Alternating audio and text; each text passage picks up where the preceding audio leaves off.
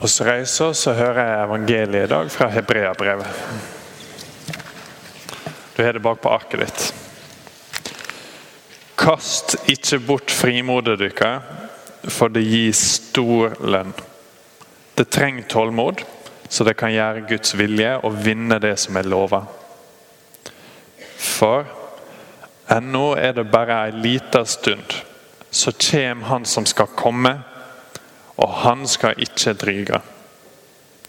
Min rettferdige skal leve ved tru, men drar han seg unna, har min sjel ingen glede i han. Men vi er ikke av de som drar seg unna og går fortapt, men av de som tror og berger si sjel. Slik lyder det hellige evangeliet. Jeg vet ikke hvordan det er med deg, men av og til når jeg hører disse tekstrekkene, så tenker jeg hva i all verden var det de tenkte som satte disse tre tekstene i lag? Hva sammenheng er det mellom barnefødsel og Guds vei og frimodighet, f.eks.? Men så har jeg begynt å tenke, kanskje er det noen likhetstrekk likevel. Kanskje var ikke de helt ute på jordet. Kast ikke frimodigheten deres, frimodet deres, vekk, begynner forfatteren av Hebreabrevet i dag. Vi vet ikke hvem den forfatteren var. Men det vi ser er at han ønsket å oppmuntre jødiske kristne og vise dem hvordan de kunne stå med frimodighet på trua si midt i et samfunn der de opplevde veldig sterkt både sosialt og religiøst press. Kanskje du er kjent på sånt press? Kanskje du har opplevd latterliggjøring på jobb fordi du er kristen? Eller kanskje du har unger som ikke skjønner at du kan tro på disse der gudegreiene. Og at du gidder å bruke søndagen din i kirka av alle plasser. Eller kanskje du til og med er en av de som stiller de samme spørsmåla sjøl. Hva er nå greia med dette der? Eller kanskje har du vært der at du har vært så klar for å dele Jesus med noen, og så kjenner du at bare motet svikter. Og så turte ikke likevel. Jeg tror at det brevet som vi skal se litt mer på nå i dag, er ganske aktuelt også i vår tid. Og så håper jeg at det kan være til oppmuntring. da. Oppmuntring til å tørre å stå for trua, vårt, trua vår i et samfunn som mer og mer stiller seg uforstående og kanskje likegyldig til kristen tro. Så kan en jo alltids våge å stille spørsmål om hvorfor det har blitt slik. I teksten som vi hørte lest fra Jesaja, så ser vi at det strømmer mennesker fra alle folkeslag til Guds tempel. At de har et ønske om å lære seg Guds vei og vandre i Guds lys. Og Hvis vi er helt ærlige med hverandre, så tror jeg det er det vi opplever hver søndag på Sunnmøre. At mennesker strømmer til kirka fordi de ønsker å høre om Gud. Og Det vi ser i teksten, er kanskje at vi opplever mer strid og dum blant folk. Og Hvis vi er helt ærlige med hverandre, så tror jeg at mange mennesker har et inntrykk av oss kristne som fordømmende. Som mennesker som tror at oss er så mye bedre enn alle andre. Og Så kan jeg og du vite av hele oss at det er jo ikke sånn. Men kanskje jeg må jobbe litt bedre med å uttrykke det. da. For jeg tror det er en av de tingene som virkelig kan ta fra meg frimodigheten min. At jeg er redd for å virke fordømmende. Jeg var på en konferanse i fjor med laget. og Der var det ei jente som sa akkurat det til han som talte. Jeg er så redd for å framstå fordømmende. Hva skal jeg gjøre når jeg snakker med vennene mine? Jeg likte svaret veldig godt. Ikke vær fordømmende, da, sa han. Tygg litt på den. Jeg sto også i Trondheim i fjor og snakka med ei jente på universitetet. Hun kom bort til meg, og så brukte hun 1 time og 10 minutter på ganske kraftig rakke ned på trua mi. Og Jeg prøvde så best jeg kunne å svare på spørsmåla hennes. Og Etter 1 time og 10 minutter så skjedde det bare noe. Det var bare som det var et skifte. Og så sa hun det går mange kristne i klassen min jeg har lyst til å bli kjent med dem, men de har aldri tid til meg. En av de gjengene der, sa hun og pekte på en jeg kjente, helt tilfeldig. Og Så snakker vi en halvtime til før hun sier dere kristne må bli flinkere på å fortelle at dere er normale. Det hadde skjedd et eller annet da, i den samtalen der hun kanskje opplevde at hun ikke ble fordømt. Men tilbake til teksten vår for hebreerne. Kast ikke bort frimodet deres, for det gir stor lønn. Det trenger tålmod så det kan gjøre Guds vilje å vinne det som er lova. For ennå er det bare en liten stund, så kommer Han som skal komme. Og Han skal ikke dryge, men min rettferdige skal leve ved tru. Men drar seg unna, har min sjel ingen glede i ham. Men vi er ikke av de som drar seg unna og går fortapt, men av de som tror og berger sin sjel. Ok, tenker du da. Greit, jeg skal være frimodig, og jeg skal være tålmodig. Jeg skal gjøre Guds vilje, og jeg skal leve ved tru. Jeg skal ikke trekke meg unna, jeg skal tru, og så skal jeg bli berga. Ja, det er vel og bra, det, tenker du kanskje. Men hvordan i all verden skal jeg få til det her, da? Det spennende er at De versene her i dag de er jo ikke helt tilfeldige. De er ikke tatt totalt ut av en sammenheng. De står i en sammenheng. Og Hvis vi går litt tilbake i samme kapittel hvis du har med deg Bibelen din eller har den på telefonen din, så må du gjerne slå opp. Det er i kapittel 10 av Hebreerne, fra vers 19. For Der står det så har vi da søsken frimod ved Jesu blod til å gå inn i helligdommen, Dit han har innvigd en ny og levende vei for oss gjennom forhenget, som er kroppen hans. Og Siden vi har en så stor prest over Guds hus, la oss stige fram med ærlig hjerte og full visse i trua, med hjertet rensa for vondt samvittighet og kroppen bada i rent vann. La oss holde urokkelig fast på vedkjenninga av vona, for han som ga lovnaden, er trufast. Og La oss ha omtanke for hverandre, så vi oppgløder hverandre til kjærlighet og gode gjerninger. La oss ikke holde oss borte når forsamlinga vår kommer sammen, som noen har for vane. Men la oss sette mot i hverandre, og det er så mye mer som det ser at dagen nærmer seg. Grunnlaget for den frimodigheten som forfatteren her skriver om, den ligger altså ikke i oss sjøl. I at jeg bare må bli flinkere eller jeg må skjerpe meg. Men den ligger i Jesu blod, står det.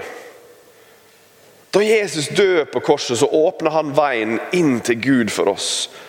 Der jødene før bare én gang i året kunne sende en livredd øversteprest inn for Guds alter, kan oss nå bare gå rett inn. Som de oss er, med ærlig hjerte stender det. Og med full visshet om at han vil ta imot oss uansett. Jeg tror ikke jeg skjønner det.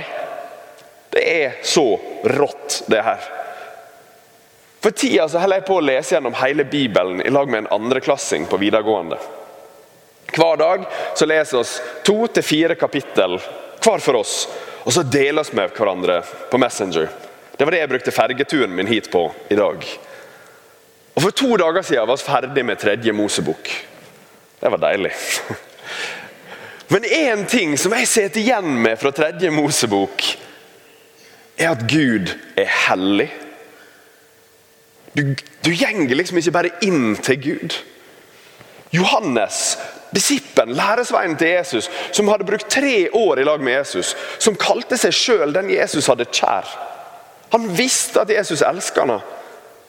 Han ser Jesus i et syn når han blitt en gammel mann. Det som vi kaller åpenbaringsboka i Bibelen, forteller om det. Og Det sier at Johannes detter som død på bakken. Han er livredd sin beste venn, for han ser den herliggjorte og hellige Jesus. Men med Jesu blod så kan jeg og du gå rett inn. Jeg vurderte om jeg skulle ta det med, men kanskje har dere sett Det er et bilde av John F. Kennedy fra kontoret sitt, det ovale kontor på 60-tallet. Verdens mektigste mann. Du gikk liksom ikke bare inn på kontoret til John F. Kennedy.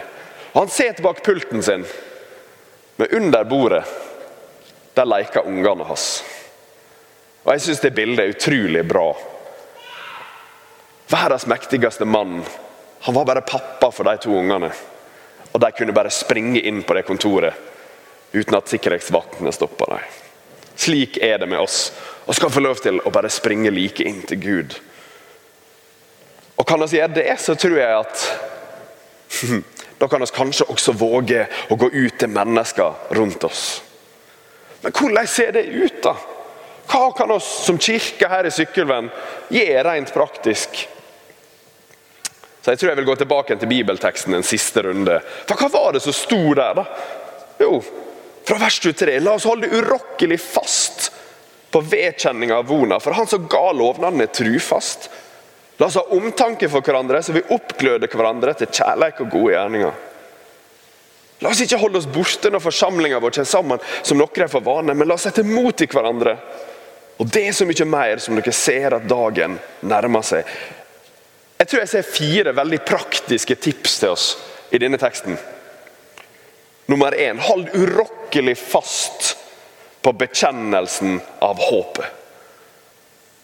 Peter, Jesus sin læresvein, han skrev i det første brevet sitt at oss alltid må stå klare for å forsvare håpet som oss eier. Og Hvordan gjør jeg det? da? Jeg skal gi deg et helt gratis tips i dag. Bruk tid i Guds ord. Bli kjent med Bibelen, bli kjent med Guds ord. Bibelen er en levende bok. Ikke en praktbok som er fin å ha i hylla. Og jeg veit alt om hvor vanskelig det er å sette av tid til det. Og Nå er kanskje ikke min versjon med å lese fire kapittel hver eneste dag og dele med noen helt å anbefale den, men den er kanskje litt voldsom, da. Men jeg har lyst til å utfordre deg. Bli med i ei bibelgruppe. Finn deg en venn eller en nabo som du kan lese Bibelen i lag med en gang i vika. Skaff deg en leseplan. Hør på Bibelen på CD eller på, liksom, i bilen.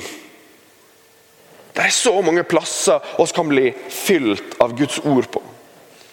For to uker siden hadde jeg 40 ungdommer i leiligheten min i Ålesund. Og er ikke så stor som det høres ut som. Det sa at folk var madrasser i gangen med pledd. Men han las Bibelen i lag. Det var det vi gjorde den kvelden. Og Da kom det en til meg som aldri har vært med på disse samlingene før. Er i første klasse på videregående. Han er en av de kule gutta i Ålesund. Og Så sa han Bjørni, i kveld ble livet mitt forvandla. Fordi jeg har snakka om Bibelen med vennene mine, og det var fint. Han hadde en opplevelse av å lese Bibelen i lag med noen. Så det er mitt første tips til deg. Skal du klare å stå på trua di, så bruk tid i Guds ord. Ha omtanke for hverandre, så vi oppgløder hverandre til kjærlighet og gode gjerninger. sto det videre. Jeg elsker det verset. Jeg synes Det er helt fantastisk. Å bli sett av noen andre det gjør så utrolig godt. Og så tror jeg det er utrolig smittsomt. Det gir stor frimodighet å bli sett av noen. For jeg tror at oss sjøl da våger å være medmennesker. Jeg tror ikke det alltid handler om å forkynne og bruke store ord, men om å være oss sjøle. Kanskje noen av dere har lest om Ester Boge. Hun går første klasse på videregående i Ålesund, og hun har vært på framsida av en del aviser siste tida. Hun gikk på Møre ungdomsskole, som er en kristen ungdomsskole. Men hun opplevde at folk så jo ikke hverandre. Folk kjente jo ikke hverandre. Så hun bestemte seg i fjor jeg skal snakke med alle elevene på skolen min. Jeg skal bli kjent med dem, og skal jeg se dem. Og Så begynte hun å skrive ned hva hun så i hver enkelt. Og På slutten av skoleåret så samla de hele skolen, og så fortalte hun hva hun hadde gjort. Og Så har hun skrevet en liten lapp, et brev til hver enkelt elev som hang på ei tavle. Og Så kunne de gå fram og ta sin lapp og se hva hun hadde sett i dem, og hva oppmuntring hun hadde skrevet til dem. Det smelta mange av disse elevene. For hun hadde gadda å ta seg tid med å se dem. Hvem kan jeg se? da? Hvem kan jeg glede f.eks. nå i adventstida? Slik at jeg kan få være med å oppgløde andre til å vise kjærlighet og gode gjerninger. Og så sto det videre La oss ikke holde oss borte når forsamlinga vår kommer sammen. Jeg tror fullt ut at det her, gudstjeneste, fellesskap, bibelgruppe, middagene som Andrea og Simen inviterer til på søndagene Jeg håper dere er klar over hva slags ressurspersoner dere har fått til den kirka. her. Fantastisk. Jeg tror at de tingene der det er livsnervene i det kristne livet. Jeg tror at Uten det kristne fellesskapet som vil trua mi visne. Sakte, men sikkert dø. Men sammen så kan vi få lov å kjenne at vi er mange, tross alt. Du kan få oppleve at du er folk i ryggen. Og Det fører oss til forfatteren sitt siste punkt. La oss sette mot i hverandre. Å heie på hverandre og be for hverandre, det er så viktig, det. Og jeg tror at mer enn gjennom bare ord, så har jeg så enorm tro på at vi kan få lov å gå i lag med folk. Jeg kunne gitt dere hundrevis av eksempel fra min arbeidshverdag om det her, men jeg har lyst til å bare nevne ett. Jeg hadde med meg noen videregående elever fra Sunnmøre til Island for fire år siden. Da var vi ute på universitetet på Island for å dele Jesus. Og Det var ei islandsk jente der, hun heter Auslaug. Og Hun var livredd. Men hun har bestemt seg for at hun skulle være med oss og komme med spørreundersøkelser. Snakke med folk om tru. Og Så kom hun fram til meg og så løfta hun hendene sine og så rista de. Hun sto fysisk og skalv fordi hun var redd. Men så gikk hun og la med seg til Fredrik fra Ålesund. Og En halvtime seinere traff jeg dem i gangen. Så kommer Fredrik springende bort til meg og så sier hun, hun er helt rå. Så ser jeg på henne, og hun bare stråler. Og så det her er jo kjempekjekt. Og Så kom ei venninne av hun litt etterpå og sa jeg tror ikke jeg tør å være med på dette her. Så ser hun et avslag på henne, så sier hun Face your fears. Møt frykta di, sier hun. Og så går de to ut i lag. Og så får de snakke med folk. Og Kanskje er det her litt som det vi hørte fra Johannes-evangeliet, om den smertefulle fødselen. Når kvinna har fått barnet, husker hun ikke lenger hvor vondt hun hadde. Så glad er hun fordi et menneske er født til verden. Kunne vi lese. Er ikke det litt samme frimodigheten også? da? Det er skummelt. Kanskje til og med smertefullt. Men vel gjennom det så er det så vanvittig verdt det. Og Det sto innledningsvis at frimodighet gir stor lønn. Og Jeg ser det hver dag i de ungdommene som jeg får lov å jobbe med.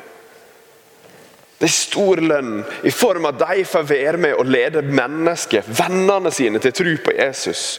Eller nærmere Jesus. Og De har sjøl fått lov å oppleve større frimodighet. Og jeg tror dermed større frihet. For de har fått lov å erfare at trua held i svar med møte med kritikk og, og, motstand. De har fått oppleve krafta i praktisk kjærlighet. De har fått større kjennskap til Guds ord. Og jeg tror de har fått et mye større behov for det kristne fellesskapet. Så spørsmålet mitt er egentlig, kjære sykkjølvinger, har du ikke lyst til å være med på det?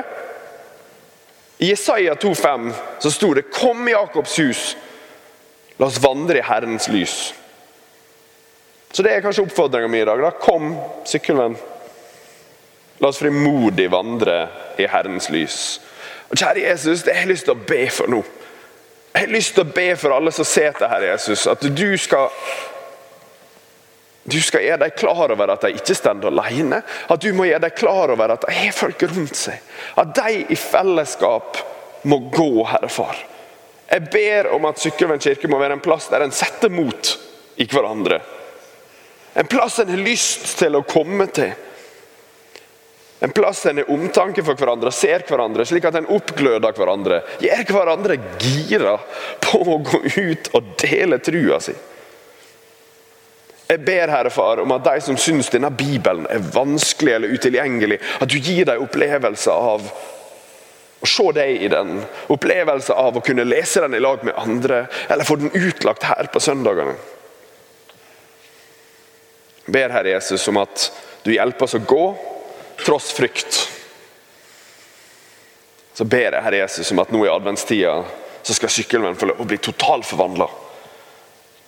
Fordi det er en hel kirkelyd her som henger ut i frimodighet og viser din kjærlighet. Og så har jeg lyst til å be bare helt til slutt for disse konfirmantene som sitter her, Jesus. Som kanskje kjenner at dette her med tru det er noe litt kjedelig. da. Far, jeg ber om at de skal få lov å se at det er alt annet enn kjedelig. Jeg skal ber om at de skal få oppleve å se at du er sann, og du lever. Og du bryr deg om livet deres. Der de er. Det de er opptatt av. Ikke bare om de røyser seg eller setter seg på rett plass. Men at du valgte å dø for dem. Du valgte å bli et menneske og dø for dem, for at de skal få lov å kjenne deg. Og Ha det beste livet. Jeg ber om at de skal få lov å oppdage det, Herre Jesus. Amen.